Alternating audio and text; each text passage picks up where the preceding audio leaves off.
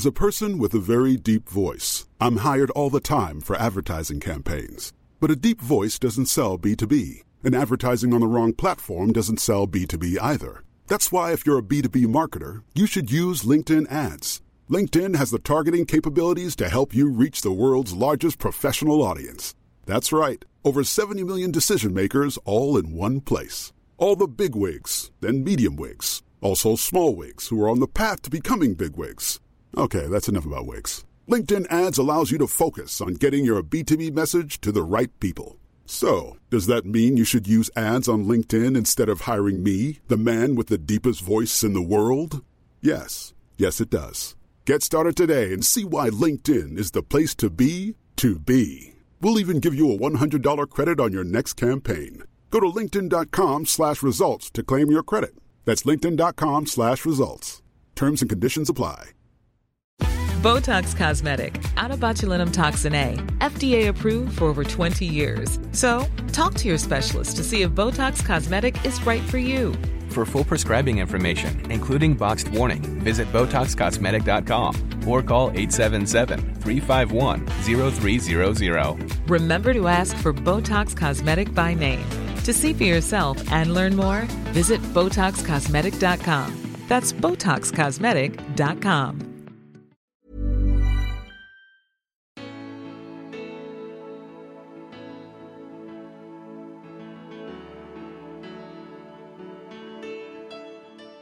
Hej och välkommen till det absolut första avsnittet av Spännande möten. En intervjupodcast med mig, Gunnar Österreich. Här möter du varje vecka en intressant person som kanske ger dig lite ny kunskap, något att reflektera över och förhoppningsvis en dryg timmas trevlig lyssning. Man kan inte tänka 99 km kvar, 98 km kvar och så vidare. Då skulle man ju inte ens ställa sig på startlinjen för man blir ju dum i huvudet redan innan man har gett sig iväg. Så eh, där satt jag i mitt eh, svettiga underställ och det kom in släkt och det kom in grannar och det var snaps och det var hemgjord julmat. Och, så jag fick ju fira jul med dem. Vilken inställning behöver man egentligen för att klara av att springa 100 km? Frida Södermark är en av världens bästa ultralöpare hon är också en inspirationskälla för alla oss som har svårt att få tid över till träning eller annat som berikar livet. När andra tar bilen eller bussen till ett jobbmöte eller får träffa en kompis så sätter Frida på sig löparskorna och springer helt enkelt dit hon vill. Passet och löpningen har tagit henne ut på resor till ett stort antal spännande länder där hon med sitt öppna sinne kommit nära många människor. En kort förklaring bara innan vi drar igång. En bit in i podden pratar Frida om ett träningspass med Chalve. Det är inte, som någon kanske tror, hennes hund utan namnet på löparklubben hon springer med. Så här kommer hon, Norrköpingstjejen Frida Södermark. Frida Södermark, ultralöpare, entreprenör och inspiratör. Välkommen till Spännande möten. Tack så mycket, vilken fin presentation. Hör du, ultralöpning och ultralöpare. Vad, vad kännetecknar en ultralöpare och vad är, vad är ultralöpning till att börja med? Ja, så det är ju allting som är längre än ett maraton som ju också är en eh, ansenlig distans. Och eh, vi som springer långt kallas för ultralöpare och det finns landslag på 100 km och 24 timmars löpning i Sverige. Och du har gjort både och?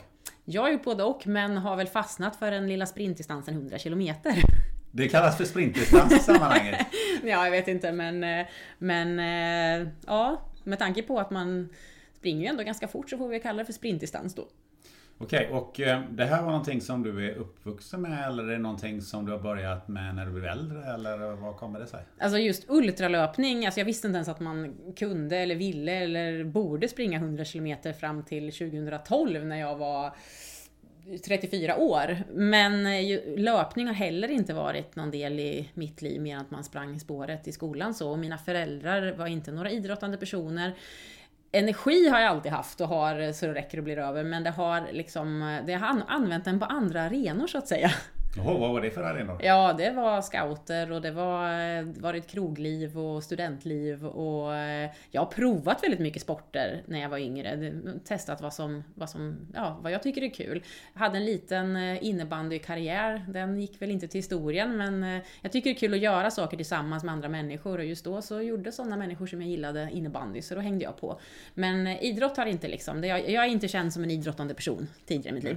Så man kan säga så här att du bytte pubrundor mot eh, löprundor. Hur, hur, eh, hur kom det sig? Det var att vi skulle, eh, eller några på mitt jobb skulle springa en sån här motionsmil eller ett motionslopp. Och jag är ju sådär att jag hakar ju gärna på utmaningar och ville ju såklart också göra det här då. Så att jag testade och blev fast direkt. För att göra en lång historia kort och gick till en klubb och kände mig jättehemma och fick massa nya kompisar och en ny värld faktiskt som öppnade sig för mig. Och sen så kom ju resultaten väldigt fort också.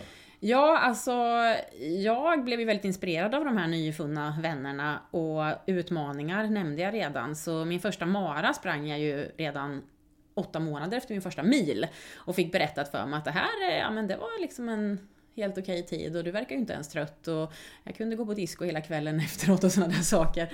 Så redan där förstod man väl att man hade mycket uthållighet i sig. Och sen så trappade jag upp min träning ganska linjärt då, eller väldigt linjärt och drog inte på mig några skador och sådär. Så att de riktigt första bra resultaten kom ju då efter, eh, ja, vad kan det ha tagit en fyra år? Då kunde jag väl kalla mig för elitlöpare. Det var kändes som en liten konstig, konstig, det var lite, jag var lite, jag tyckte jag sprang, eller jag springer ju för att det är så himla kul. Och så kom det där lite på köpet, så ingen var väl nästan mer förvånad än mig själv. Men eh, när, när, sprang du dina första 100 kilometer? Eller hur kom det sig? Eh, det var i juni 2012 och det var året innan faktiskt som jag hade blivit tipsad om att jag borde springa 100 kilometer. Jag tänkte att är det idioter som gör det kan ju de hålla på med det för jag ska ju bli ännu bättre på maraton och eh, bodde just då i kollektiv i Berlin och hade inte alls någon plan på att åka hem och springa på rundbana i Tibro. Och är glad för att jag inte gjorde det för att eh, jag gjorde massa andra roliga saker det halvåret. Men ett frö hade såtts då den här personen som tipsade mig om det här heter, heter Anders Alcaio, en av Sveriges bästa maratonlöpare inom tiderna. Och då tänkte jag, jag kan ju ändå testa. För det värsta som kan hända är ju att det inte är kul och jag inte behöver göra det igen. Så jag tänkte att ska jag ställa upp och prova 100 km så kan jag ju göra det i SM lika gärna. Och så vann jag SM. Och blev lite irriterad det första jag, när jag sprang över mållinjen för att eh, jag insåg att då kanske folk tror att jag ska springa 100 km igen. Och det hade ju inte varit kul hela loppet. Men eh, den, de känslorna gick väldigt snabbt över i glädje såklart och lagerkrans och SM-guld. Och eh, numera har jag ju sprungit 100 km jättemånga gånger och är väldigt stolt och glad över att kunna kalla mig ultralöpare, att vara med i landslaget och framförallt att jag tycker att 100 km är en så spännande grej för att det är så mycket annat än just löpstyrkan som gör en till en framgångsrik idrottare på det området. Alltså det mentala och energiintag och sånt. För, eh, för en normalt eh, dödliga människor eh, så tycker man ju liksom att 100 km är oerhört långt att eh, cykla. Och ska man då springa det eh, så tycker man att det är, är fullständigt onåbart. Kan du ta oss igenom ett sånt där eh, lopp så att vi, vi förstår hur, hur, eh, hur det funkar och hur, hur du funkar i ett sånt här lopp? Ja, faktiskt. För eh, man kan, jag kan ju inte, eller man kan inte tänka 99 km kvar, 98 km kvar och så vidare. Då skulle man ju inte ens ställa sig på startlinjen för man blir ju dum i huvudet redan innan man har gett sig iväg.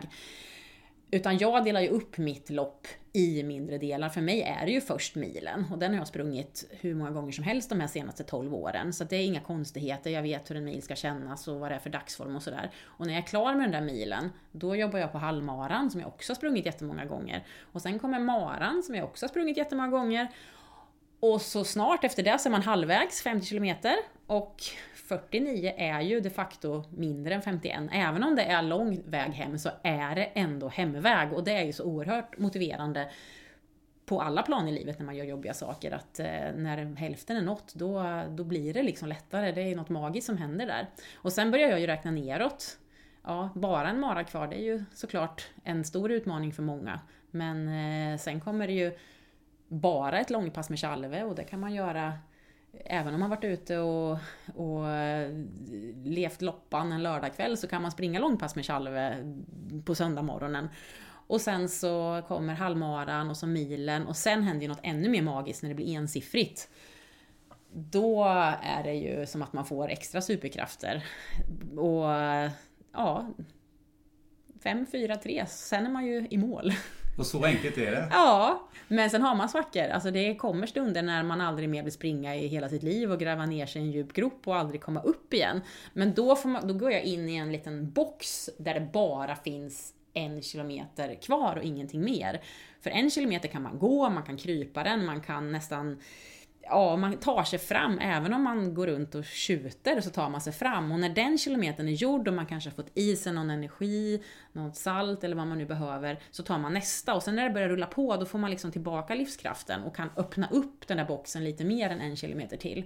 Så det är väl en mental strategi jag har när det blir tufft, för det blir tufft på 100 km. Det är långt. Jag tycker också att det är långt, men jag är så fascinerad över hur man, eh, vad man lär sig längs den här sträckan. Vad är, vad är din värsta upplevelse på ett eh, 100 km lopp? Ja, det var förra hösten i Kina. Jag hade blivit inbjuden att springa ett lopp. Vi bodde på lyxhotell och jag har aldrig ätit så mycket god mat i hela mitt liv nästan. Och det var fin po... Ja, det var verkligen... Ja, det var ett fint sammanhang så. Men vi skulle ändå springa 100 km. Det var ju därför vi var där. Men det var subtropiskt klimat, det var höjd, det var Ja, jag hade väl inte riktigt läst på barnprofilen jag gör sällan det, utan saker blir som det blir. Det är lika för alla. Men när det var 30 km kvar och det inte fanns några gel, så fanns knappt någonting att dricka. Och jag var totalt energidränerad och hade börjat krampa och det var liksom inte roligt längre.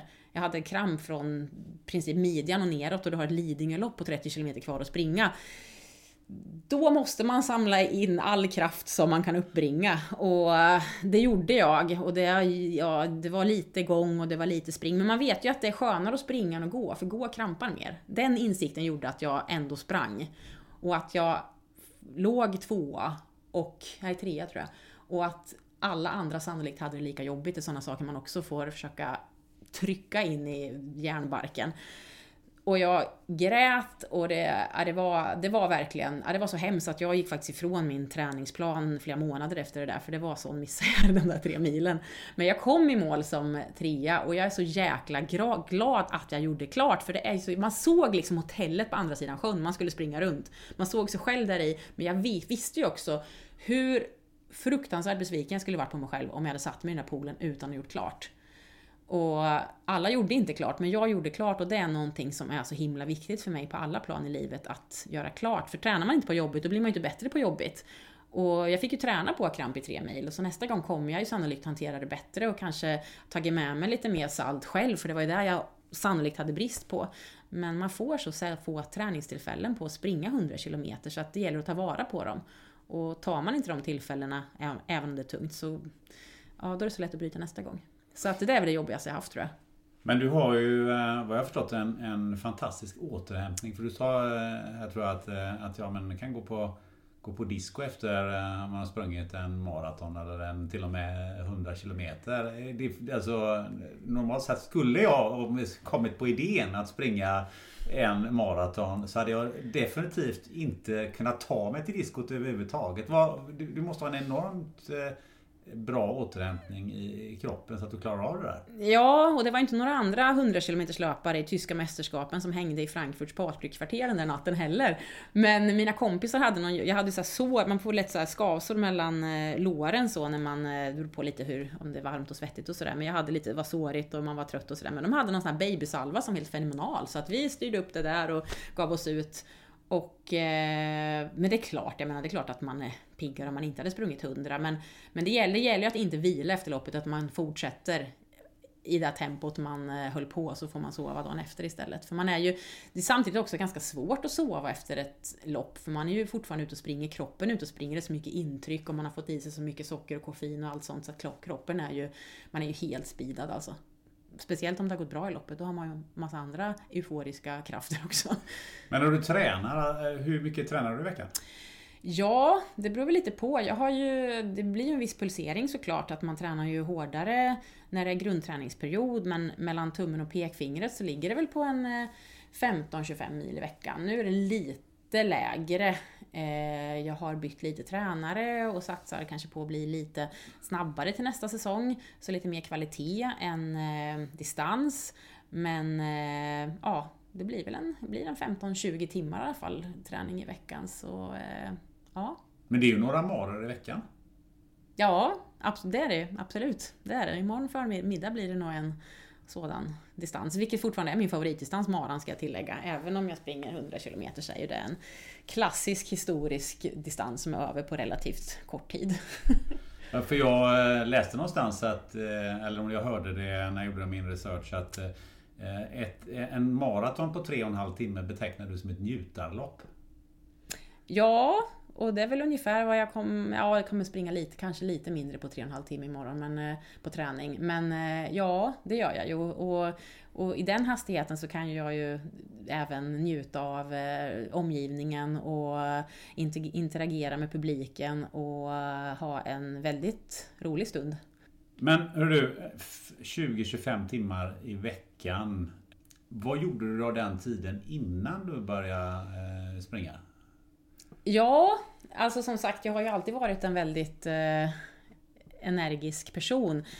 Ja, framförallt innan jag tränade 15 till 20 timmar i veckan så hade jag ju en tjänst som gymnasielärare på en skola, 100% tjänst och det vet ju alla att det är ju lite mer än 100% tjänst så det är klart att det tog ju mer tid. Nu är jag ju egen företagare och kan planera min tid lite mer. Det innebär absolut inte att jag jobbar mindre, snarare tvärtom. Men jag har ju hittat den lösningen att jag eh, tar mig dit jag ska. Har jag en föreläsning i Linköping, då kan det hända att jag springer dit och tar tåget tillbaka. Så på så sätt så har jag ju kunnat utnyttja, eller kan jag utnyttja tiden på ett bättre sätt. Men jag gör precis lika mycket som jag gjorde innan, bara det att jag kan disponera det på mitt sätt. Och det är ju en fantastisk möjlighet jag har skapat mig. Men när du springer, alltså, finns, det något, finns det något beroendeframkallande i det här med löpning? Jag har hört talas om något som heter Runners High som är någon sorts eh, endorfinkick som man får varje gång man springer. Är det, är det så att du får den eh, nästan som eh, ett litet rus varje gång? Alltså det är ju lite som för vilken knarkare som helst. Att eh, rusen är ju svårare, man måste höja sina doser. Jag, jag kommer ihåg när jag låg helt utslagen efter ett 15 km söndagspass en, en söndag och kände att jag var helt hög på livet men trött i kroppen men pigg i huvudet. Alltså den känslan är obetalbar och jag kan fortfarande få den. Men det kanske krävs att jag är ute och joggar eh, 60-70 kilometer eller att jag vågar, för det handlar mycket om våga, springa skiten ur sig på ett intervallpass så att man eh, känner att man går över en viss gräns. Så att kickarna, man, får, man, får liksom, man måste hitta kickarna på andra sätt eller springa längre för att få det, men det är ju hela tiden där man jagar på olika sätt. Och det kan ju också vara mentalt, det behöver ju inte vara fysiskt, det kan ju vara att man får bli Alltså att man eh, kommer på någon prispall man har längtat efter eller att man, eh, att man eh, lyckas, eh, eller får höra att man har inspirerat någon person till att göra en viss sak. Eller man kanske har pejsat en person, alltså, alltså sprungit med en person i ett lopp så att den personen har uppnått ett personbästa. Det kan också vara en runners high. Så att det finns ju olika sätt att hitta det på. Man får, man får liksom mixtra lite med drogen. Mixtra med drogerna var det ja. Ehm, men vad, vad mixtrar du med i övrigt i huvudet? Jag menar det, det är ju ändå 20-25 timmar i veckan och det är ändå eh, Även om man får se nya saker så är det ändå ett monotont rörelsemönster.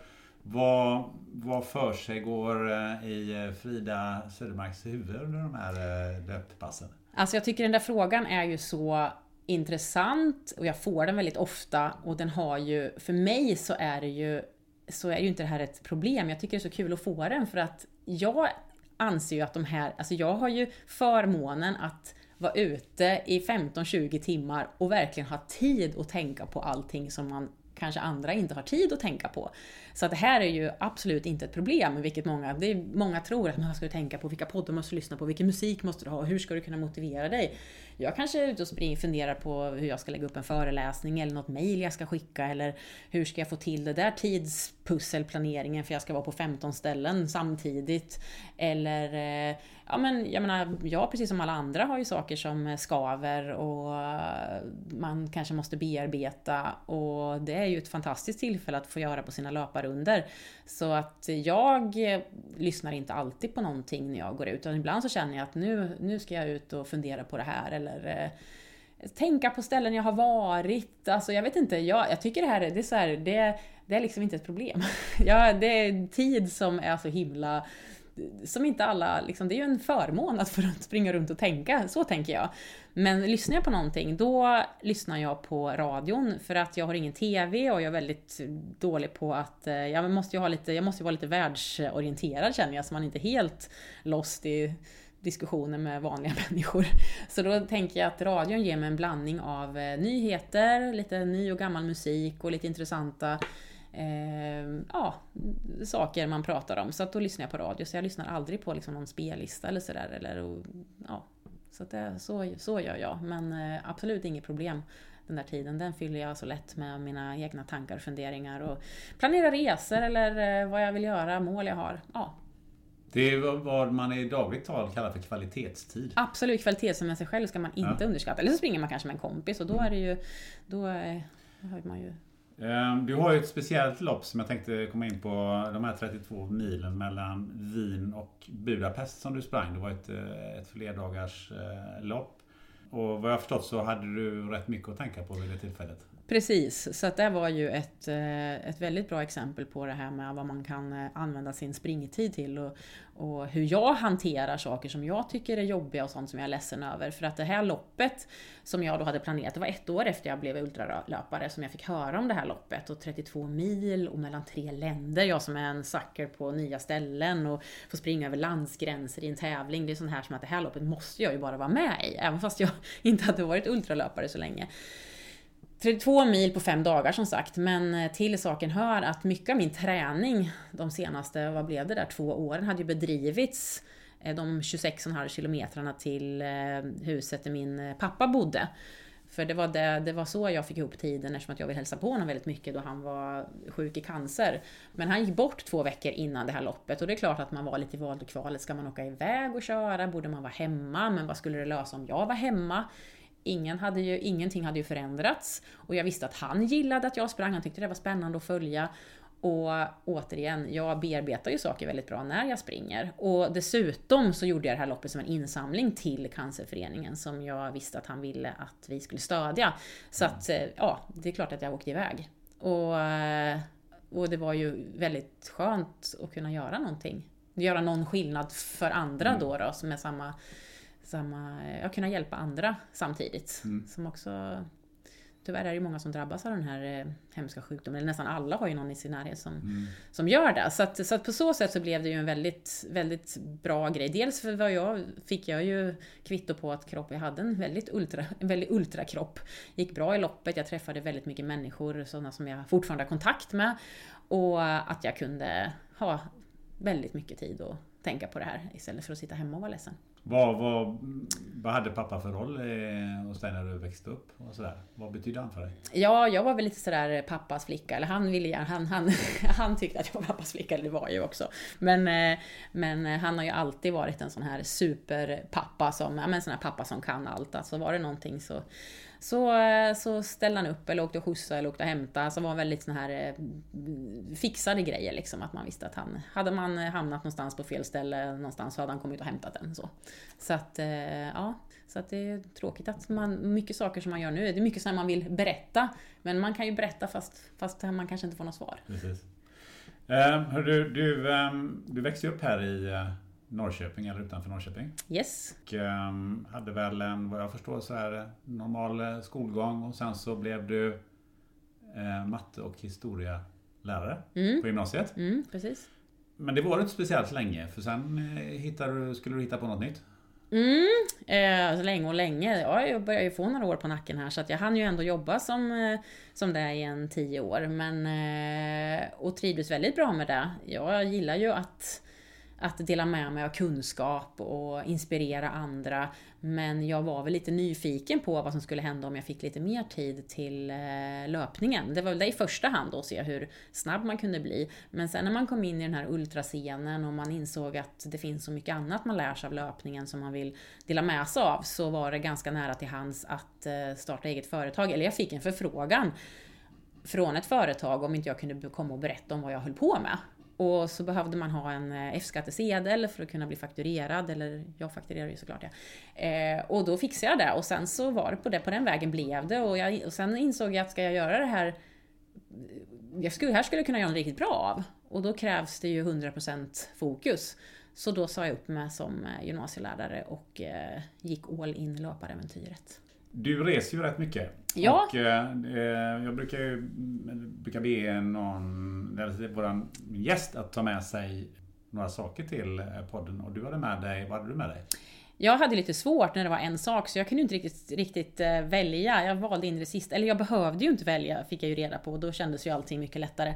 Jag har med mig ett par löparskor och mitt pass.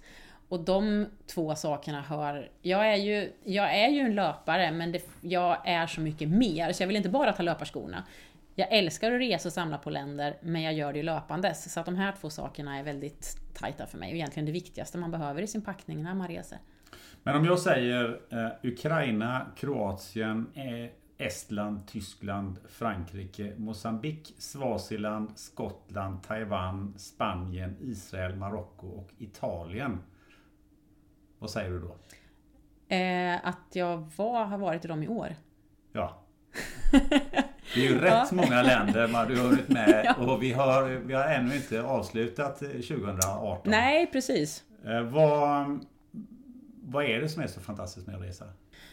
Det är för att eh, man får vara med om så mycket spännande saker och oväntade situationer och man får liksom eh, förståelsen för och man övar på att vara lite mer flexibel och sen att, att, att människor gör på olika sätt eller tycker olika saker behöver inte vara fel sätt att tycka eller fel sätt att göra. Och jag känner också att alla de här resorna har gjort mig väldigt anspråkslös i vad man behöver i livet. Alltså jag inser ju att det är min väska som jag reser runt med i handbagage, det är ju de grejerna jag behöver. Sen är det klart mina böcker, men eh, de tar ju lite plats hemma och så. Men det är, jag inser att jag, jag behöver så lite. Och det är andra värden i livet som är viktigare.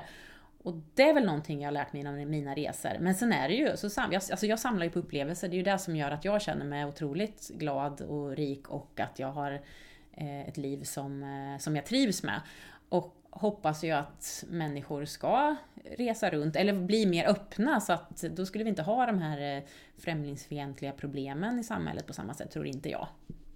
För du, du är nästan samlad på länder. Hur många länder har du varit i?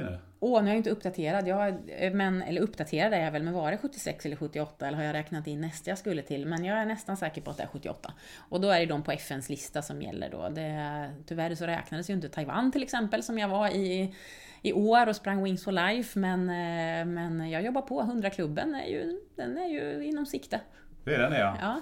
Du får ju vara med om ett annat eh, när du Eh, när du kommer ut så här. För du, eh, som sagt var, du, du hittar ju eh, de där små guldkornen, de där mm. oväntade sakerna. Jag vet att du varit runt bland annat i Georgien och Armenien. Var det ju några historier där som, som är värda att berätta? Mm. Ja, alltså det, jag, som sagt, jag reser ju väldigt mycket, men den resan sticker ju ut, för där har jag så många anekdoter och spännande möten så att eh, jag knappt kan sortera dem. Men ska jag lyfta upp, jag gör ju alltid så att jag eh, ser till att springa till någon sevärdhet jag vill se. Det här är ingen research jag gör innan, för det har jag knappt tid med innan. Det, livet snurrar så fort, det är så mycket man ska tänka på. Så jag brukar, jag brukar väl eh, kolla när jag kommer dit, kolla i någon guidebok på plats eller surfa någonting när jag är på en plats och se, finns det någonting inom eh, springräckvidd som jag vill titta på och sen så springer jag dit och är det för långt att springa tillbaka då liftar jag oftast. Och en dag skulle jag springa till ett kloster, vilket jag gjorde. Det var uppför, uppför något berg och sen lite av de här vanliga fotona som man gör såklart. Och sen ställde jag mig och lifta för att jag eh, var klar med mitt pass. Och eh, första bilen stannar. Det är ju ofta så i de här länderna. Alla ska med och man hjälper varandra. Det är svårare att lifta på en landsväg utanför Karlstad kan jag säga, jag har provat. eh, men jag skulle med, det var helt fullt i bilen. Det här var eh, julhelg. Och eh, jag fick ju i princip sitta i knät på någon där.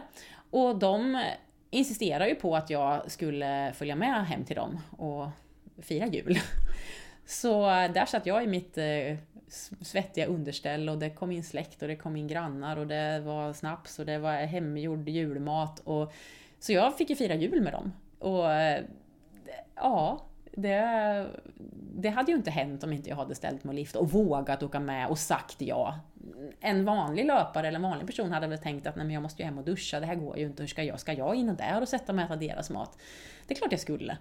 Det, ja, de här mötena som sagt återigen, och ta de chanserna som ges, alltså inte vara så rädd. Och många undrar ju om inte jag är rädd när jag gör de här sakerna. Men jag kan ju nästan känna mig räddare hemma, för att här är jag så uppdaterad på vad som händer. Men folk skjuter varann på min gata här i Norrköping. Och man vet vad som händer i eh, olika delar av Sverige med gängkriminalitet och saker. Och det vet ju jag om. Och då kanske inte jag skulle gå i de kvarteren. Men på något sätt så är jag nästan lite lyckligt ovetande i de här länderna, andra länderna. Och då kan man ju tänka att vad naiv hon är. Men min strategi är att aldrig se rädd ut. Jag kanske är rädd, jag har varit med i situationer där jag inte har känt mig bekväm, men om jag ser ut som ett offer och jätterädd eller tar fram en karta eller börjar bete mig osäkert, då blir jag ju mer ett offer.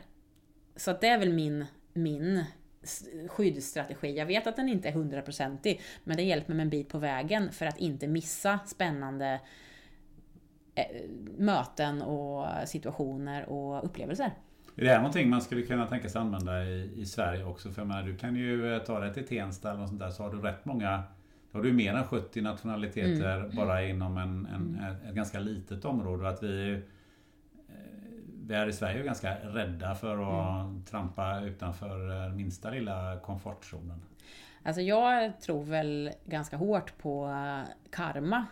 Att är man, går man runt och är schysst och hjälper folk som behöver hjälp. Om någon kommer fram till mig och frågar någonting på gatan så försöker jag ju ta mig tid och stanna och svara på den frågan istället för att tänka att oj, den här personen kanske ska gå fram och råna mig, vilket många tror eller kanske är rädda för.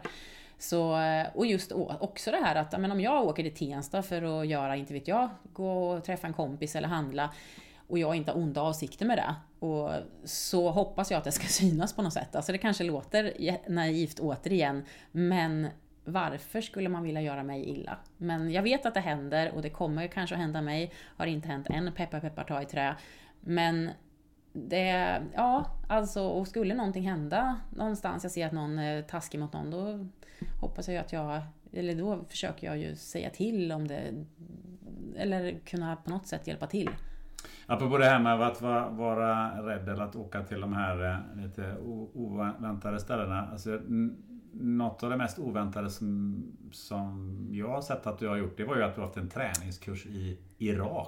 ja. Och då undrar man liksom att, att överhuvudtaget åka till Irak eh, när man sitter hemma i soffan mm. undrar man ju liksom, är, det, är det helt vettlöst? Och dessutom så, så, så håller man en träningskurs och då uppstår ju massa, massa frågor. Dels är det inte krig där? Och det andra är hur, eh, hur gör du det som kvinna förstådd och vi har en träningskurs i Irak? Det där får du gärna berätta lite mer om. Ja, alltså jag gjorde två, har gjort två vändor till Irak senaste två åren faktiskt. Det var en resa innan det där när jag ordnade faktiskt en löparresa till eh, Erbil som då låg, eller ligger väl fortfarande, men fem mil från krigsgränsen mot Mosul precis två veckor efter de irakiska trupperna hade gått däremot. Den var ju också väldigt kontroversiell, men genomfördes med väldigt positivt resultat. Alltså då menar jag hur vi blev bemötta och hur glada människor blev att vi faktiskt kom ner dit. Och det är sånt jag vill ta med mig hem, att kolla i de här länderna händer det faktiskt massa bra grejer också. Det är inte bara krig. De här människorna lever, de dricker, lever sitt liv, de dricker te, de springer. Alltså, det är ju det man vill ta med sig hem. Och det blir så ofta så negativ bild.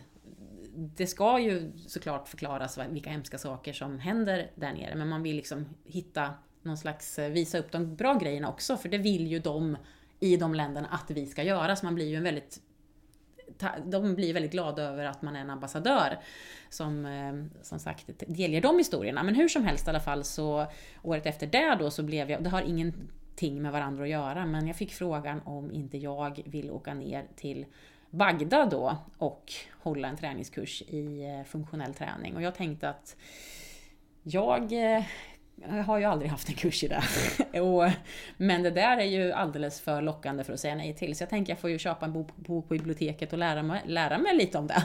Och, så att jag kan hålla en kurs i funktionell träning. Så det gjorde jag och eh, en eh, kompis och vi, eh, ja, vi helt enkelt, vi la upp en kurs och presenterade hur det skulle kunna se ut, vad vi ville dela med oss av. Och det handlar inte bara om funktionell träning, det var lite om kost och hur vi tränar och generellt väster, eller västerlandets, eller hur, ja, men hur vi ser på träning och jämvikt i livet, alltså sånt som jag sådana saker som jag gärna vill dela med mig av. Så vi svängde väl lite på innehållet i kursen får jag väl medge, men de tyckte att det lät intressant.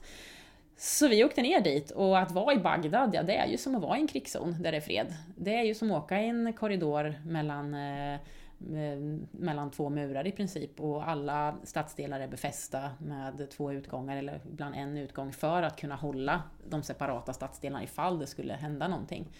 Men jag, jag var aldrig rädd. Och jag är ju aldrig rädd när jag är iväg och reser eftersom att man missar så mycket då. Men vi blev ju så otroligt väl eh, omhändertagna så att det är ju nästan som vi inte hann hålla kursen. Det var så mycket te och så mycket mat vi skulle äta. Så. Men eh, ja, vi fick jättebra kontakt med de här människorna som vi höll kursen för. De var ju oerhört intresserade och sög åt sig som svampar av den kunskapen som vi delade med oss av.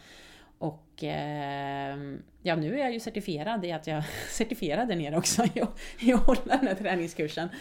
Men eh, ja, men det måste jag fråga, alltså var det, var det blandat kvinnor och män? Ja, ja, ja, det var både tjejer och killar. Och, eh, och det var inga problem. Alltså det är ju, åker man till Saudiarabien, det skulle ju inte funka. Där måste jag ju vara, visa att jag är gift med någon eller att jag är någon, som tar, någon kille som tar hand om mig. Annars får jag inte åka in där, har jag hört. Jag har inte varit där än. Men, men, och man behöver ju ha speciella kläder. Men så är det inte i, eh, i Irak. Är det inget sånt. Det var inte under någon av våra resor har jag har det varit något sånt, utan jag har kunnat gått, springa i hotpants och ha linne på mig. Sen hade jag inte jag ju varit runt själv och sprungit tvärs genom stan. Det finns ju ingen anledning att göra. Utan man får ju tänka lite vart man springer, men så kan det ju även vara i Sverige eller på andra ställen. Men eh, att vara kvinna där är snarare tvärtom, skulle jag vilja säga. Jag har ju en kompis som, eh, som sprang genom Iran. Jag har ju skrivit bok och alltihopa och gjort en film om det här. Och hon har ju blivit så otroligt vänligt bemött. Så att det här behövs ju verkligen. För man tror ju det, alltså det är ju mm. den bilden vi har, eh, vi har mm. här, eh, här hemma mm. i Sverige. Att eh, man som kvinna knappt blir mm. trodd i, mm. i ett land som mm. Irak. Än mindre kan ställa sig upp och hålla en kurs i funktionell träning. Men det, det motbevisar ju verkligen de, de förutfattade meningar man har. Ja, det, och även jag har ju också, jag är ju inte mer än människa, det är klart att jag också, man har förutfattade meningar, hur ska det vara när man åker ner? Och vad ska de tro? Och kommer, kommer man få kämpa för att, eh, att bli, eh, ja, kämpa för att eh, vara en auktoritet på området eller vad man ska säga, men tvärtom, utan vi blev ju nästan Ja, vi blev ju verkligen, vi blev ju verkligen experter där nere, ska säga. De tog verkligen oss på, ja, de var, ja, det blev väldigt bra på alla plan. Fantastiskt. Ehm, men när du reser så mycket, alltså Hinner du med liksom att packa upp och packa ner och sådär? Eller, liksom, eller står, står det en färdigpackad väska hela tiden som du bara grabbar och åker iväg? Eller? Eh? Alltså för mig är det väldigt viktigt att ha harmoni hemma och det är det som gör att man orkar åka iväg så mycket. Oavsett om det handlar om att vara i Linköping halva dagen eller att eh, som jag då dela mitt liv lite mellan Stockholm och Norrköping. Så skulle den där väskan stå där så då skulle jag känna att det skulle inte kännas bra det finns en plats i garderoben för väskan, så den måste ju inte vara helt uppackad, men den får inte synas. Utan när jag är hemma, då är jag hemma på riktigt. Det är inte någon så här, även om det skulle handla om en halv dag så vill jag Alltså saker ska vara undanplockade, det ska vara som att det ska inte vara någon eh, packningsstation liksom. Och i den där packningen så eh, har du ju inte bara kläder utan du har en hel del böcker. Ja, det, vad, är det för, vad är det för böcker? Ja, det kan ju vara ett litet problem då om man ska, för jag vill ju spara alla mina böcker. Det, jag vill ju bygga upp mitt bibliotek, eller jag bygger upp mitt bibliotek. Jag, jag samlar på böcker helt enkelt. Jag vill, jag vill ha dem som jag har läst. Så att, det där kan bli ett problem om jag ska iväg och resa länge och jag vill, ibland kan det bli så att jag får köpa boken igen för att jag inte, det går inte, eller jag får köpa en bok längs vägen. Men eh, jag brukar ju försöka ta sådana böcker som är på tyska och engelska som tar lite längre tid att läsa. Kanske läser i sig lika fort på tyska men att det kanske är lite mer svårsmält litteratur. Men det jag helst har med mig det är ju biografier och saker som... Eh, alltså böckerna, böcker får, måste vara... Antingen så ska de vara väldigt bra skrivna, alltså litterärt språk som man bara blir så här, åh, man blir, får nästan gåshud för att det är så fina formuleringar. Alltså inte poetiskt, men att det, ja, det ska vara bra litterära böcker. Eller att det är biografier som eh, är sanna. Så det är väl det jag går igång på mest. Jag har ju några med mig här Ja, som är visst, lite favoriter. Jag gillar, de, jag gillar ju de syd, flera sydamerikanska författare, men en som jag speciellt har fastnat för det är ju Mario Vargas Llosa som jag tycker skriver helt fantastiskt. Och den jag vill slå ett extra slag för det är ju Den stygga flickans rackartyg. Dels för att den är så himla bra. Den handlar ju om en, faktiskt en tjej som är solovårare. Men också att det var den första boken vi hade i den bokklubb som jag grundade 2011 just för att jag inte jag var inte med i en bokklubb, då fick jag ju starta en. Eller hur? Eller boks, bokcirkel. Finns det inte så Ja. startar du något. Ja, precis. Så nu är vi åtta tjejer som, eh, som ses. Vi har, man fixar träffen en gång om året var. Så vi har väl åtta gånger sju, så vi har ju tagit igenom en 56 böcker plus massa annat prat om livet och, och, och viktiga och oviktiga saker. Så boken är inte helt i fokus, men vi pratar om den. Vi läser samma bok då, så den läste vi där. Sen så eh, var det en bok jag läste ganska nyligen av eh, Jen...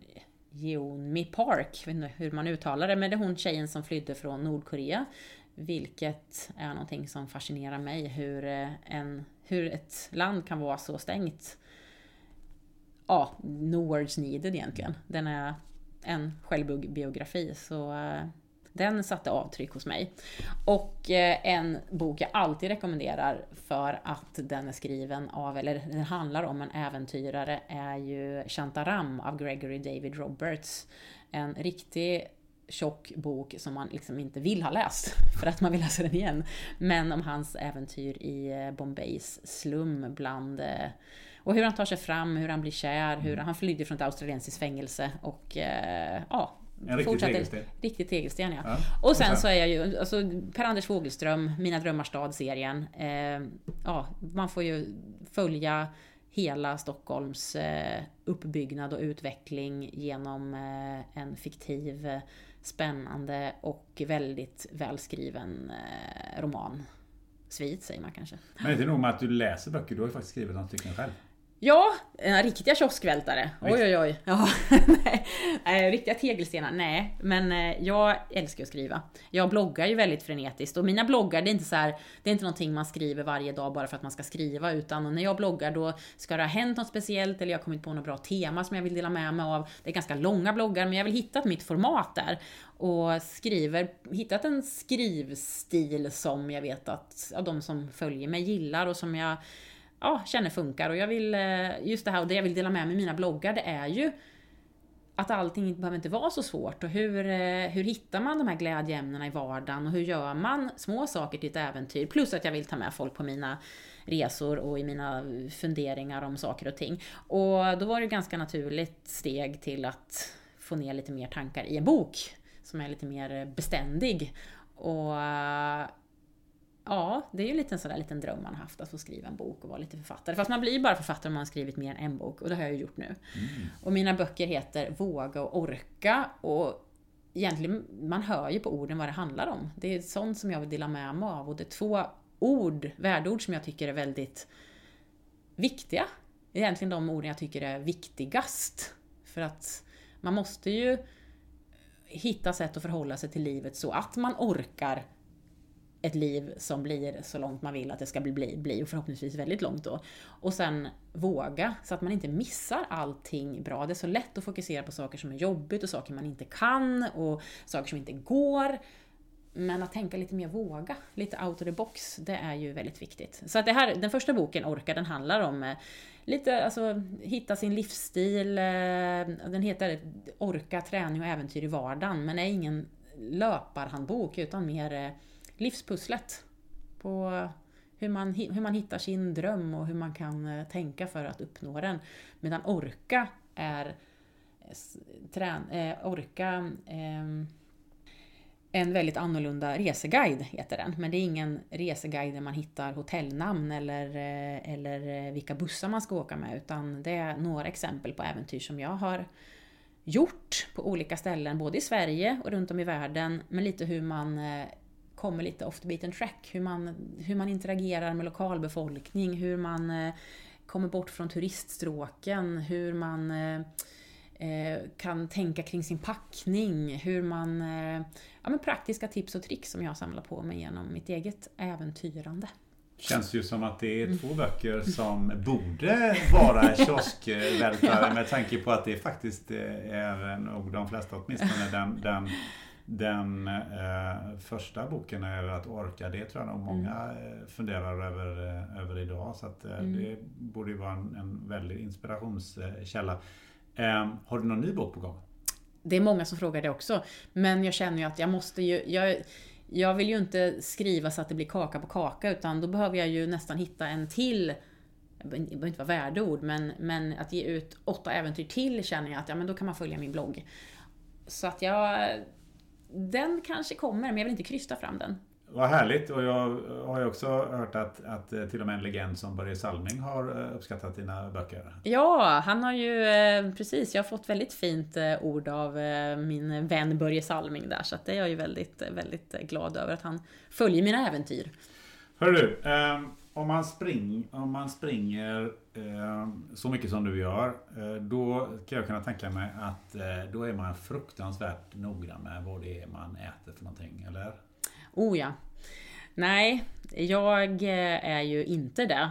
Jag är ju väldigt noga med att äta så att man orkar. Alltså det är ju, man måste ju äta för att orka träna så hårt som jag gör. Och mat är ju en av mina belöning, jag ska inte säga största för det är så mycket som är som belöning, men en av mina belöningar som, eh, jag älskar mat och vi har redan pratat med det här mat från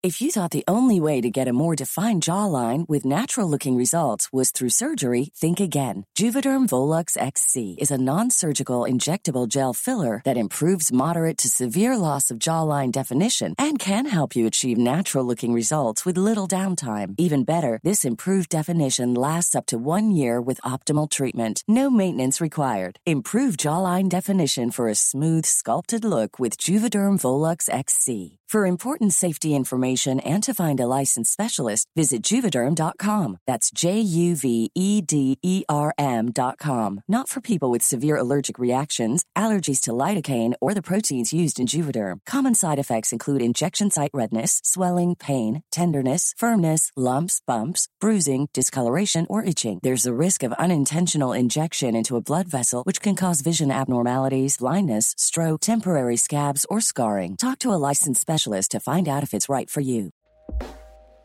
Hey everyone, I've been on the go recently Phoenix, Kansas City, Chicago. If you're like me and have a home but aren't always at home, you have an Airbnb. Hosting your home or a spare room is a very practical side hustle. If you live in a big game town, you can Airbnb your place for fans to stay in. Your home might be worth more than you think. Find out how much at airbnb.com slash host. Tired of ads barging into your favorite news podcasts? Good news. Ad-free listening is available on Amazon Music for all the music plus top podcasts included with your Prime membership.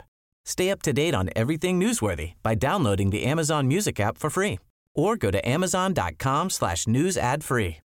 That's amazon.com slash news ad free to catch up on the latest episodes without the ads.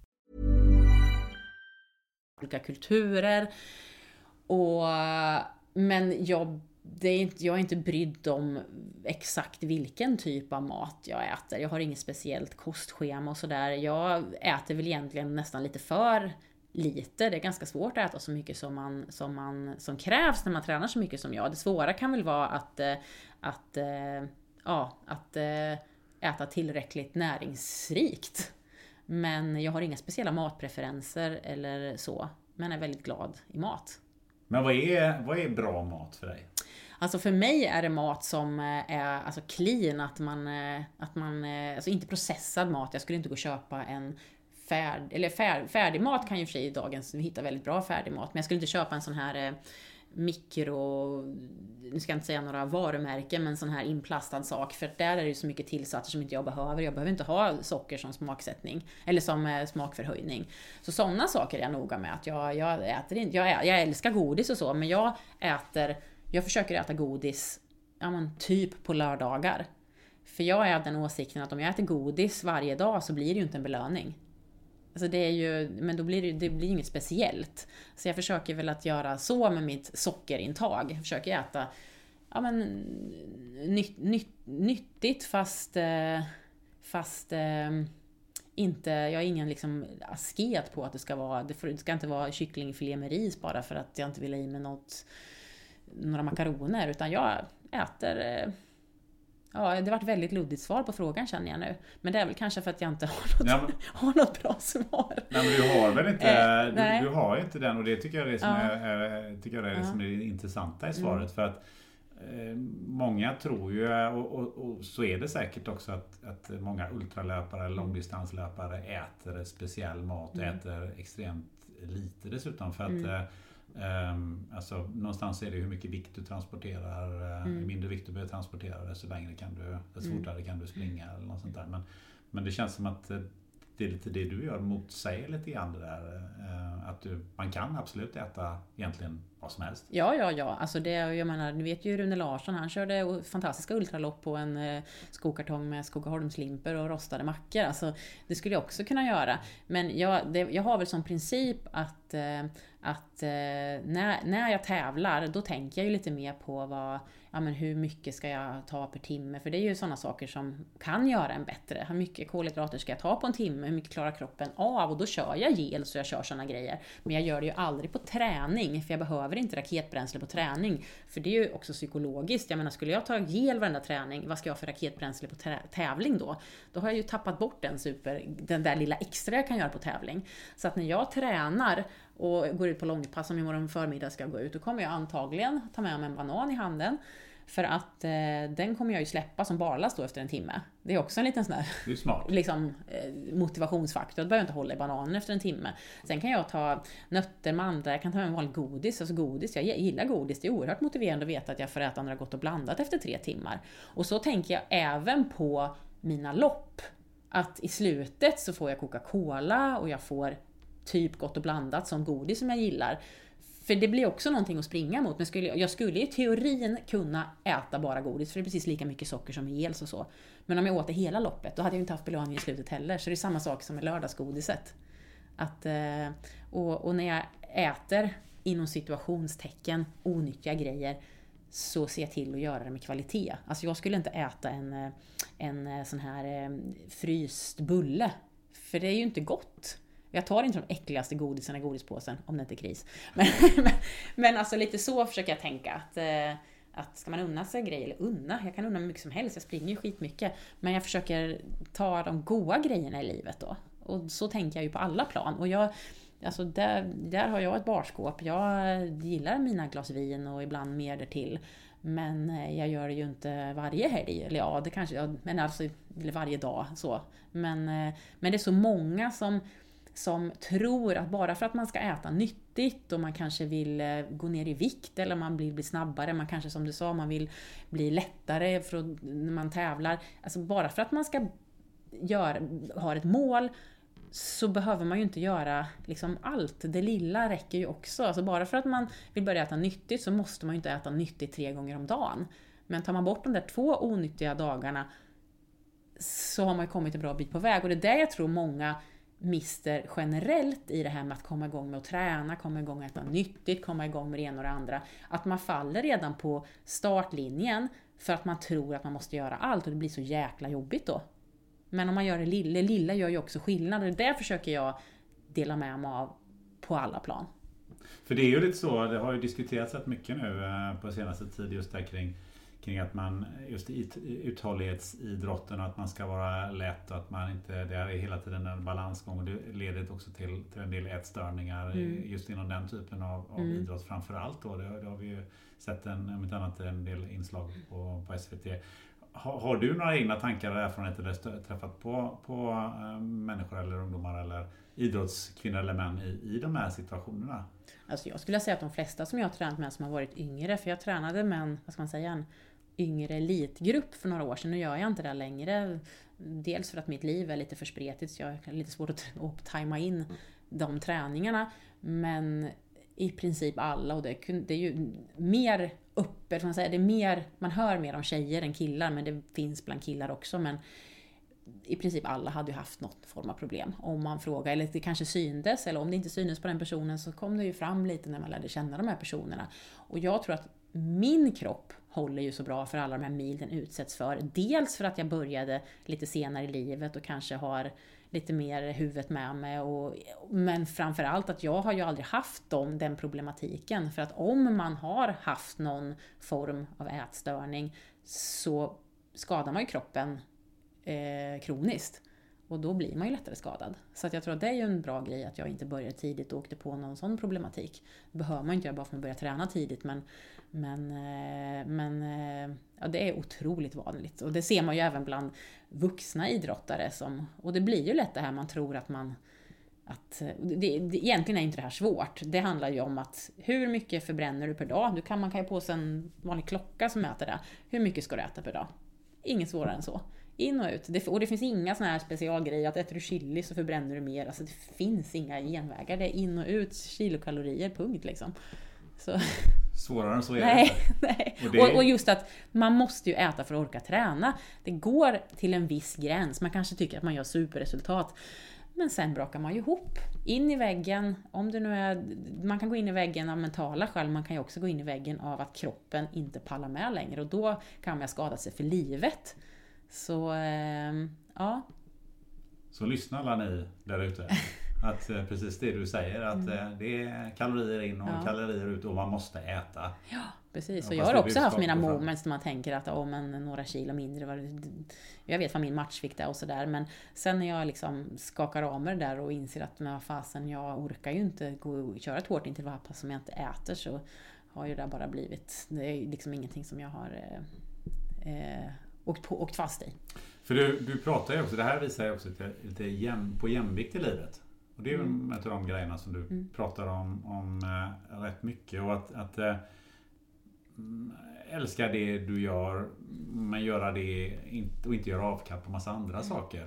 Äh, tycker du att, man, att vi är lite för dåliga på det i största allmänhet? För du är ute en hel del på, på lite olika företag och träffar rätt mycket olika människor i olika situationer. Mm. Olika olika jobb och sådär. Mm. Hur, hur, upplever du det där med jämvikt? För det känns som att det är många som har svårt med det. Ja, alltså återigen så är det ju många som tror att man måste göra allt. Alltså ska man vara bra på jobbet så måste man eh, lägga hela sin själ där. Ska man äta nyttigt så kan man bara, måste man bara äta nyttigt i varenda mål. Ska man eh, träna så måste man träna sju gånger i veckan. Ska man eh, tävla så måste man tävla i Ironman, för det gör ju de andra vid lunchbordet. Och det blir så mycket krav så att, man, så att många vill ju inte ens börja. Och det ser jag som ett väldigt stort problem.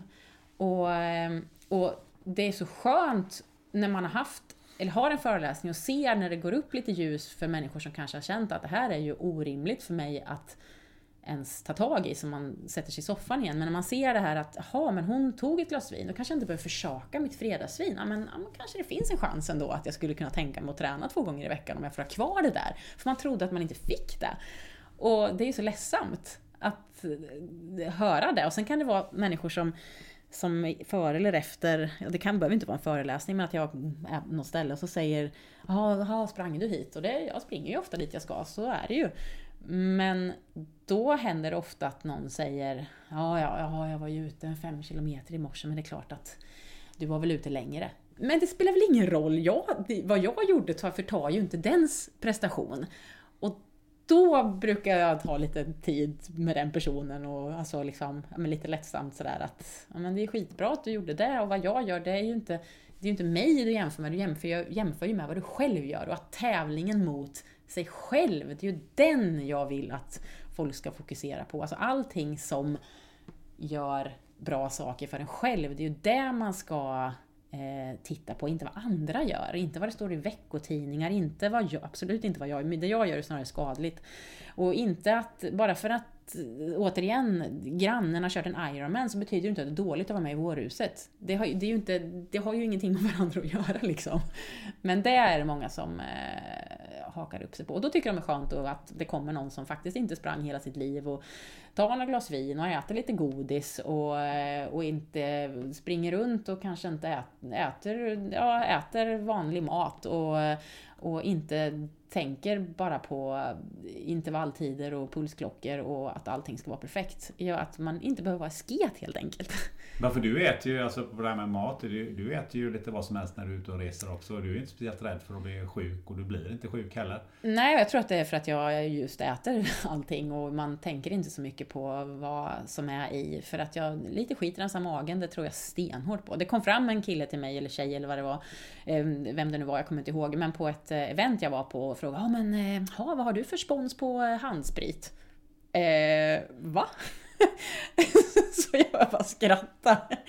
Eh, jag använder inte ens handsprit. Jag bara, va? Vi har typ hela skidlandslaget som eh, alla alla liksom vill ju absolut ha spons på det. Jag tänker så här, för det första kostnaden för mig att köpa handsprit lär inte vara jättestor. Eh, och nej, det tyckte jag var väldigt roligt. Så att jag är inte så, ja men jag dricker mjölken även tre veckor efteråt om den inte klumpar i den. Alltså, jag tror att det är bra. Och då kan jag äta ur de skitigaste grytorna i de trängsta bakgårdarna för det är där det händer. Ja, vad spännande.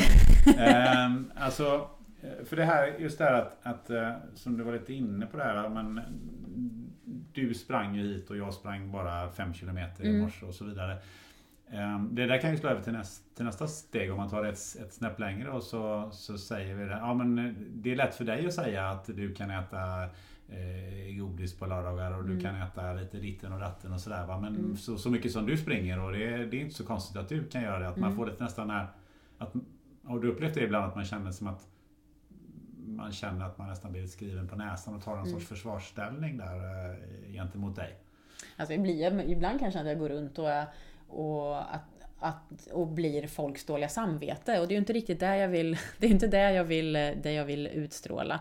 Men, men eh, när, man, när man inte har någon chans att få diskutera med de här personerna, ja då, är det, då kanske de fortfarande går och tror det. Men jag ty, det känns som att, eller jag har den känslan att när man får möjlighet att tala antingen inför de här personerna på en föreläsning eller alltså one-to-one, att man träffar någon, då brukar då brukar man ändå få en väldigt bra diskussion där de här personerna... Det största problemet brukar ju oftast vara att man är så himla rädd för att eh, ja, inte få unna sig och mista det här som motiverar eller triggar eller den här belöningen. Men att då eh, prata i termen om att ja, men, vad, vad är det som är så viktigt i ditt liv som du inte vill försaka? Och finns det, kan man kanske halvera det eller eh, ta de, som jag sa, de bästa, det här att jag sa att jag vill synda eller unna mig med kvalitet. Man kanske kan välja ut vilket som är allra viktigast och ta bort det där andra. Så att då får man ju liksom hälften kvar och då tror jag att eh, och, återigen att små steg och att allt man gör gör ju skillnad. Det är nog, jag tror att det är mycket, det är mycket rädslan för att man inte vill ge upp det som man tycker är så himla, tror sig är så himla viktigt för sig själv. Men sen när man börjar lirka lite där och folk börjar kanske ta det där första träningspasset eller skippa några av de där kakorna eller eh, några av de där halvtaskiga middagarna som kanske var lite halvfabrikat som inte var så bra för en. När man börjar känna att jag mår lite bra det här, då kommer ju den här inre motivationen och då struntar man i vad jag gör. För det är lite det att, att, eh, att um, svårt att, att motivera. Vi, vi, vi påverkas ju väldigt mycket när vi går in i en livsmedelsbutik. Mm. Väldigt mycket mm. är. Mm. Eh, väldigt mycket socker i och det är väldigt mycket, mycket läsk. Läskavdelningarna är enormt mm. stora och så vidare. Och det är väldigt lätt att man, att man grabbar tag i det där och dessutom är det ju, är det ju faktiskt eh, vanebildande mm. lika väl som, som, mm. som alkohol. Mm. Men är det lite grann de här små stegen och känna att det finns ett annat liv så som du lite beskrev det här eh, när du pratar med, med jag, tror mycket att, jag tror mycket också att det handlar om, eh, handlar om eh, alltså insikt. Alltså, jag känns som att jag har, jag har inte stenkoll på vad saker innehåller och kostsammansättningar och sådär. Men jag har en eh, normal, vad ska man säga, en normal kunskaps... Jag, jag, jag har ganska bra koll ändå så. Eh, men folk generellt har inte det. Man vet inte riktigt vad saker innehåller och man vet inte hur man läser på en, eh, på en eh, livsmedelsförpackning. Alltså vad, vad in, hur mycket man tror, många tror säkert att vissa saker är nyttiga. Men, men det, är, det kan vara hur mycket socker, det är ju sockret som är liksom boven tror jag, speciellt hos eh, sådana som, eller tror det är ju det, speciellt hos sådana som inte rör på sig. Och sen är det också, så är det ju som du säger det här med livsmedelsbranschen, jag blir ju väldigt irriterad på det här att det känns, jag har en känsla av att det är nästan som att, som att eh, äter du inte två, tre proteinbars om dagen så dör du. För du behöver så mycket protein. Alltså en människa behöver 40 gram protein om dagen, det är, sex, eller 60 gram protein om dagen, det är 40 i en kycklingfilé. Då behöver man inte tre stycken proteinbars, för att det proteinet man inte behöver, det blir ju fett. Men folk tror på något sätt att jag måste äta de här för det här är nyttigt. Och det tror jag också är en liten bov i dramat om man går runt och är proteinshakes och det är alla möjliga energidrycker man ska dricka. Att eh, man tror att det, det marknadsförs som att det här är grejer du behöver. Men det är ju inte det. Och sen just att, eh, alltså vad... Alltså, alla borde få, skulle nästan, alla, alla vuxna borde på företag eller eh, hur man nu ska organisera det, få en föreläsning i normalt sunt kostvett och sen eh, hur mycket det egentligen, eller hur lite det egentligen krävs för att förlänga sitt liv ett tiotal år. Och det är ju 3 gånger 45 minuter i veckan, sägs det, alltså enligt ja, forskningen. Och det är ju inte att man behöver, för det tror jag också är ett problem, att då tror man att, att man ska, man behöver ju ha ett gymkort och man behöver ha tights, man behöver ha alla möjliga schyssta prylar och redan där tar det ju stopp. För att det är många som tänker, men jag är inte en träningsperson, jag ska inte börja idrotta på så sätt. Och det behöver man ju inte heller. Men om man blir medveten om att det här handlar ju inte om att bli en idrottare. Det här handlar om att typ gå från bilen istället för att eh, eller ställa bilen lite längre bort eller alltså gå i trapporna. Det låter ju så himla klyschigt men det är ju bara det som krävs. Men det är nästan som att folk inte tror på det för det är så klyschigt. Det är lite så, så men sen är det väl lite också att, att eh, eftersom man inte har utbildningen så är det också svårt att göra um, Alltså att göra rätt val mm. när man går in i mm. butiken. Eller göra rätt val eh, mm. i, i många, när det gäller många sådana här saker. Att, mm. att mm. Eh, man mm. blir väldigt påverkad utav eh, reklam eller utav vad andra säger. Och, och det är någon som gör en Ironman så här, men jag kan inte göra en Ironman. Det är lika bra att jag, att jag tar mig en, en påse godis istället. För det orkar inte jag med. Men för, för det här med val är ju, är ju lite intressant för att jag har sett att, att uh, du har ju själv gjort vissa val. Till exempel du väljer ju själv att ställa dig på, ett, mm. på startlinjen på ett uh, eh, 100 km lopp. Men det här med val, man gör ju inte bara val med mat, men man gör mm. val med andra saker här i, mm. i livet. Och jag vet att du, um, du har ju, pratar ju en del om, om att också göra ett val när du går och jobbar för ett visst mm. företag. Och, och, att du faktiskt, där får du faktiskt vara lojal så länge du jobbar där. Men du kan mm. också göra ett annat val. Mm. Hur, hur, eh, hur pratar du kring det? Ja, alltså som vi sa innan, som jag sa innan, att jag har ju, jag har ju svackor när jag känner att jag vill gräva, gräva ner mig i en mörk grop och aldrig springa igen och nästan dö på köpet. Men det är då jag plockar fram de här tankarna att det är ju ingen som har ställt mig på startlinjen, ingen som har tvingat mig att springa 100 km utan det är ju faktiskt någonting som jag har tränat väldigt hårt för att få och kunna göra att min kropp håller för det. Och att jag får vara med i landslaget och så vidare, det är ju ett val jag har gjort. Det är ingen annan som har gjort det valet. Och det är där jag har valt att, det är så jag lever min livsstil. Och på samma sätt så gör man ju val i, som du sa, vart man arbetar. Och är man inte Känner man inte att man, kan, eh, att man eh, är med på företagets mål, det som man förväntas göra, då kanske man måste göra ett annat val. Men många sitter ju fast i en, i en livssituation mm. som du, du säkert träffar många mm. som, som säger ja men jag har två småbarn hemma, mm. jag har det här jobbet och jag, faktiskt går, jag måste faktiskt gå till det här jobbet. Jag mm. kan inte så lätt få ett annat jobb. Och, mm. alltså man sitter lite fast i det här mm. och så tycker man själv att man inte det här har inte jag valt egentligen. Mm, jag har liksom mm. tvingats att välja det. Alltså, mm. hur, hur, tar man sig ut? Hur tar man sig vidare där? Alltså jag tror att, eh, Att eh, då får man ju helt enkelt, då har man ju då har man sett att men det, här, det, här är, det här går inte på något annat sätt. Men då kanske man måste hitta någonting annat som ger energi. Och då tänker jag någonting då på fritiden. Alltså, jag, är ju, jag brukar ju... Jag hävdar ju att om man inte har... Om man, eh, alltså man måste ju våga prova nya saker för att se vad man är bra på eller bäst på eller vad man tycker är roligt. Men har man inte, har man inte testat så vet man ju inte. Alltså var lite mer, häng på kompisen när den ska göra någonting eller, eller eh, eh kolla i lokalpressen vad det finns för aktiviteter man skulle kunna testa på. Kanske någonting tillsammans med barnen då ifall det är svårt att få till den här grejen ut efter, ut efter jobbet. Eh, ja, men testa nya grejer för att hitta någonting som, gör, som man tycker är roligt. För när man hittar någonting som är roligt då vill man ju lägga tid på det, då blir inte det ett problem. Eh, det är svårare att lägga till saker in i sitt liv som man inte vill göra. För då hittar man ju inte tiden, då hittar man ju bara massa ursäkter. Men när man väl har hittat någonting som man tycker är roligt, då kommer man ju frigöra tid. Det är ju, då finns det helt plötsligt mycket tid. Och då, och då tänker jag att det, den energin man får från sitt fritidsintresse, nu, om det nu handlar om träning eller någon annan form av mental eh, stimulans, så kommer ju det göra att man orkar gå till det där trista jobbet eller där man inte kanske riktigt höll med om vad företagsledningen tyckte att man skulle göra. För, för är det dåligt på alla plan i livet, då, ja, då är det ju dåligt på riktigt. Men mm. jag tror man kan överleva om man har någonting där man hittar sin energi, där man hittar sin, eh, som lite som sin oas. Och det behöver ju inte vara att man går på någon regelbunden veckoaktivitet. Det kan ju vara den där soffan där borta, eller stolen där borta, där man får läsa den där boken, eller man känner att man kanske går någon eh, webbkurs eller vad det nu kan vara för någonting. Men att man hittar någonting som man... Eh, men tycker du att man eh, behöver man använda sin tid lite smartare i så fall? Jag tycker man ska titta på sitt, på sitt dygn och på sin vecka.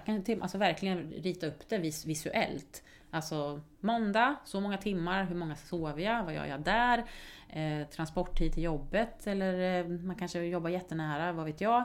Eh, vad gör man på kvällen, vad har man för grejer? Och sen vilka serier kollar man på? Alltså precis verkligen timvis. Och sen så funderar man på, okej, okay, är det någonting som jag vill ha in i mitt liv? Ja, då skriver man upp det då. Och sen hur många timmar skulle behövas till det?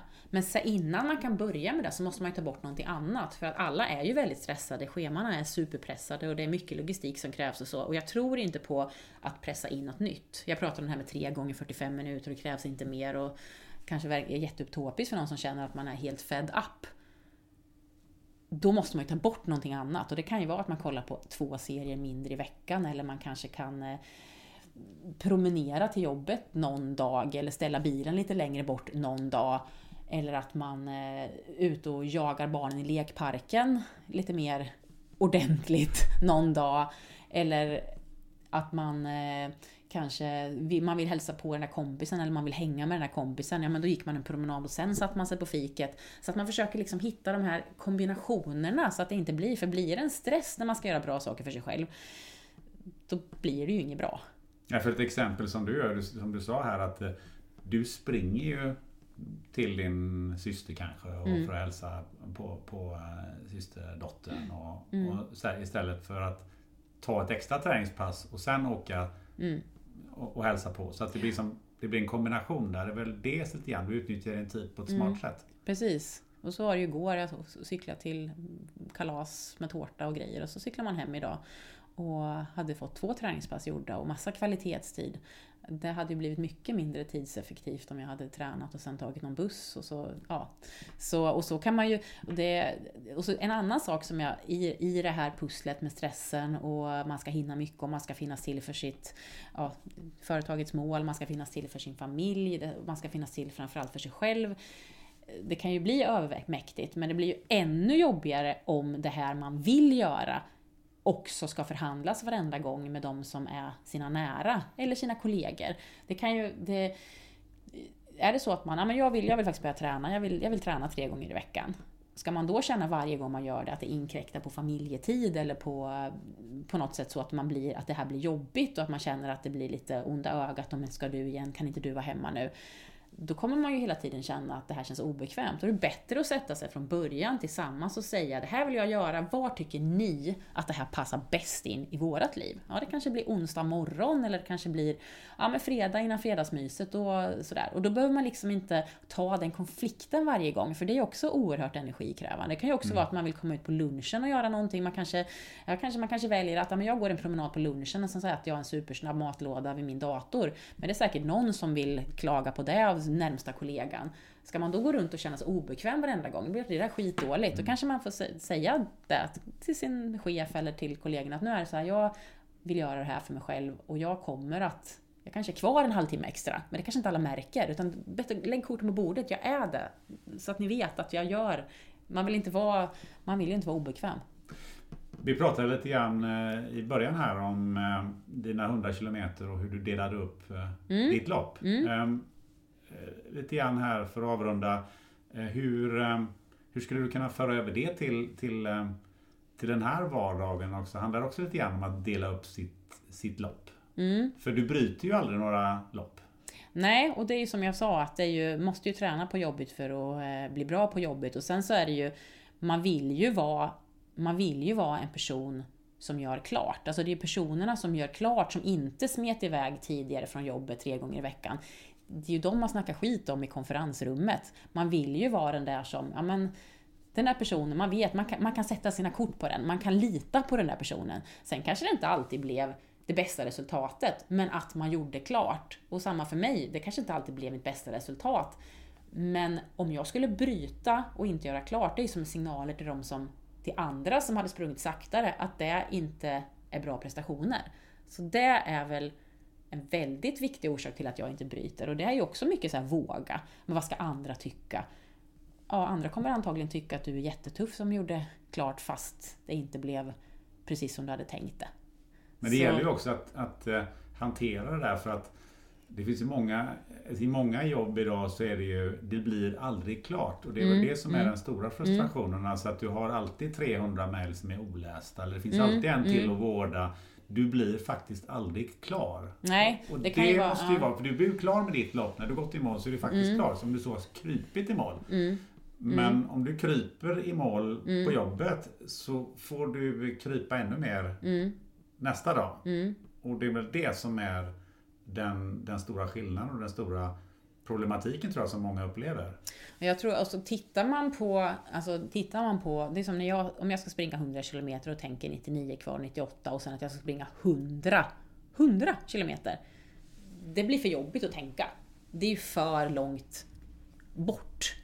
Och på samma sätt som du säger så kan det finnas ett projektmål eller en eh, någonting man håller på... Det, det, ja, det, finns ju precis, det finns ju så väldigt mycket exempel på vad det är man ska göra klart på ett jobb. Men ser man slutet så kanske man känner att ja, jag kanske redan gått i pension när det är klart. Alltså då, det, det, blir, det blir för ogreppbart.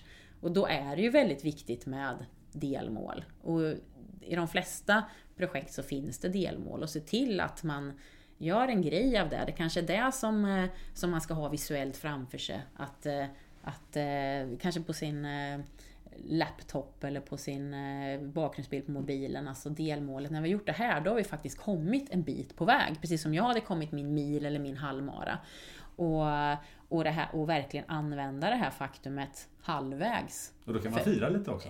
Absolut, precis. Belö, precis belöna sig. För halvvägs, även om halvvägs är tre av sex år så är det ju mindre kvar. Vi har ju Ostlänken här i Norrköping. Shit, vad är det? 2028 eller vad det är? Så om de tänker 2028, alltså det är så här, eh, what is this? Eller hur ska man ens förhålla sig till 2028? Det är ju skit. Nu kanske jag säger fel här men whatever. Det är, vad är Ostlänken? Det är, ju, det är ju nya snabba järnvägen mellan, eh, ja. mellan, ni har ju Västlänken ja precis, men från Stockholm till ner till, och vart slutar den?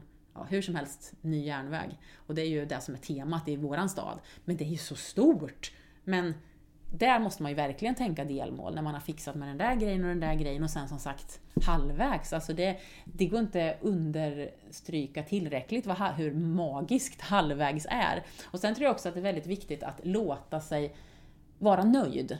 Alltså, om man går ut, säg att man har, från min värld då ett exempel, säg att man har eh, bestämt sig för att eh, ja, men jag ska ut och springa 8 kilometer idag. Så här. Ja, men det blir bra. Så, här. så går man ut och så känner man att fasen idag är det lite runners här, jag är så himla stark alltså.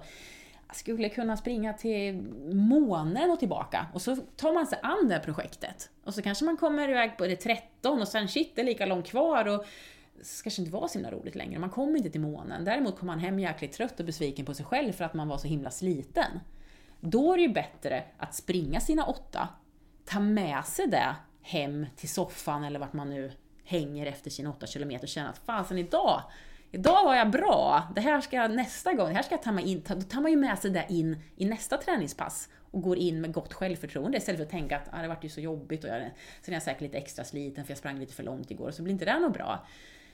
Och på samma sätt kan man ju tänka i andra situationer, till exempel på jobbet. Man kanske sitter och känner att man har värsta flowet och ah, det här det kommer bli så bra, jag kommer säkert kunna gå hem tidigare imorgon om jag gör klart det Och så sitter man kvar och jobbar och jobbar och jobbar, kanske jobbar över tills man är ganska trött. För man hann inte koppla av på kvällen. Så kommer man till jobbet och jag ja, kanske inte kunde somna för att man hade jobbat för länge. Kanske satt för länge framför datorn.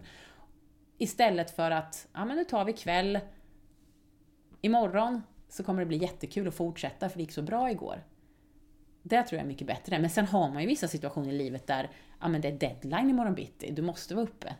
Det är klart, då går det ju inte att göra så. Men när man kan så tycker jag att man ska vara duktig på att göra, göra lagom mycket och göra, göra, ja, göra det som var planerat för dagen. Det är, det är samma för mig att hålla, sin, hålla min träningsplan. Det är jättelätt när det går bra och man springer lopp och, och ehm, man kanske persar och så kanske man anmäler sig till ett lopp till nästa vecka bara för att det gick så bra.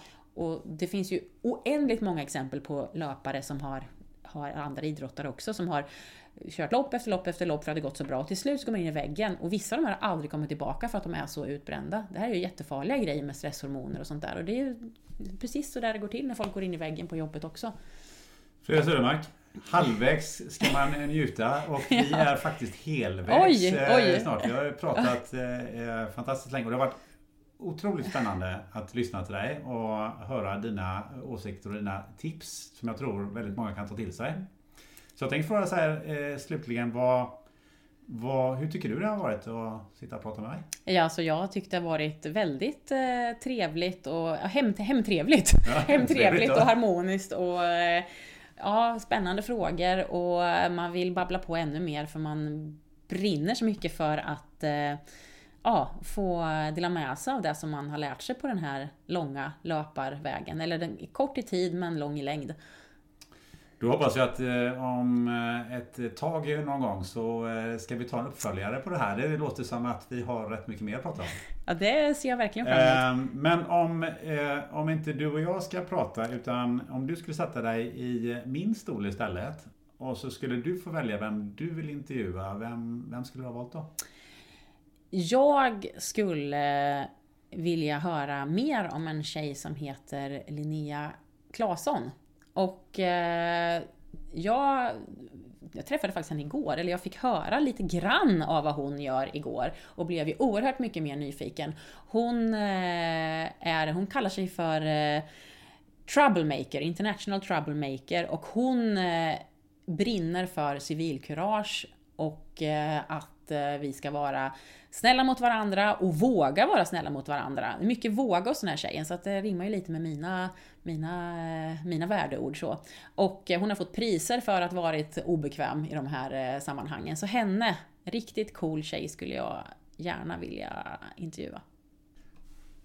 Slutligen Frida, om man vill ha tag på dig och vill höra mer från dig direkt från dig som person. Var hittar man dig någonstans? Då hittar man mig i löparäventyrandes tänkte jag säga, men min hemsida heter ju faktiskt www.loparaventyret.se Så där kan man hitta all möjlig information och bilder och eh, mejladress och telefonnummer och alla, alla eh, saker från alla håll och kanter. Och sen såklart Instagram, att Frida Sodermark. Där kan man också följa min framfart i olika länder och olika löparspår runt om i världen. Och din blogg har du på din hemsida? Ja, det också? finns länkat från, allting finns länkat från, från hemsidan. Underbart Frida. Tack så hemskt mycket. Tack till dig. Tack för besöket. Mer om böckerna som Frida rekommenderar, vilka skor hon springer i och fler bilder på Frida hittar du på sociala medier. Spännande möten finns på Facebook. På Instagram heter den Spännande moten och på LinkedIn söker du helt enkelt på mig, Gunnar Österreich. Den 29 november kommer nästa avsnitt av Spännande möten och då låter det bland annat så här. Så förstår man inte att man, man ställer en fråga till ett team till exempel, så måste du se chefen. För chefen måste ju vara inblandad i dialogen. Och så är det precis tvärtom i Sverige, blanda inte in mig, säger chefen, för han är ju bara coach. Jag tänker jag kan sälja min produkt överallt, bara de fattar hur bra den är. Ja, men om de inte gillar dig så kanske man inte köper produkten. Ja, det där med kulturella skillnader är intressant. Finns de egentligen? Och i så fall, varför är det viktigt att prata om dem? Det och mycket annat ska vi försöka reda ut i nästa avsnitt av Spännande möten. Och till vår hjälp så har vi Kristina Rundkrans som, som jobbar med interkulturell kompetens och ledarskap. Jag vill också rikta ett stort tack till Eva Samuelsson som har gjort den grafiska profilen och fotograf Martin Söderqvist som har tagit bilderna på mig. Tack också till Acast som hostar och distribuerar podden. Så till nästa gång, ha det så bra och sköt om varandra!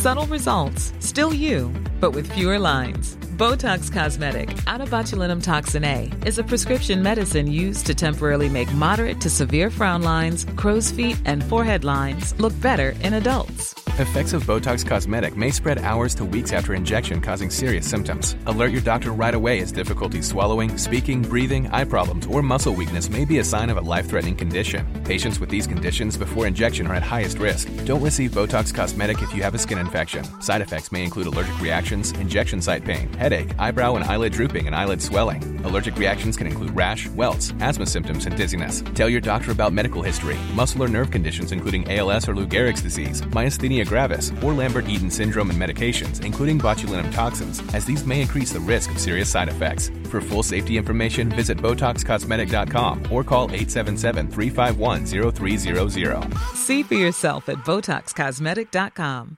Tired of ads barging into your favorite news podcasts?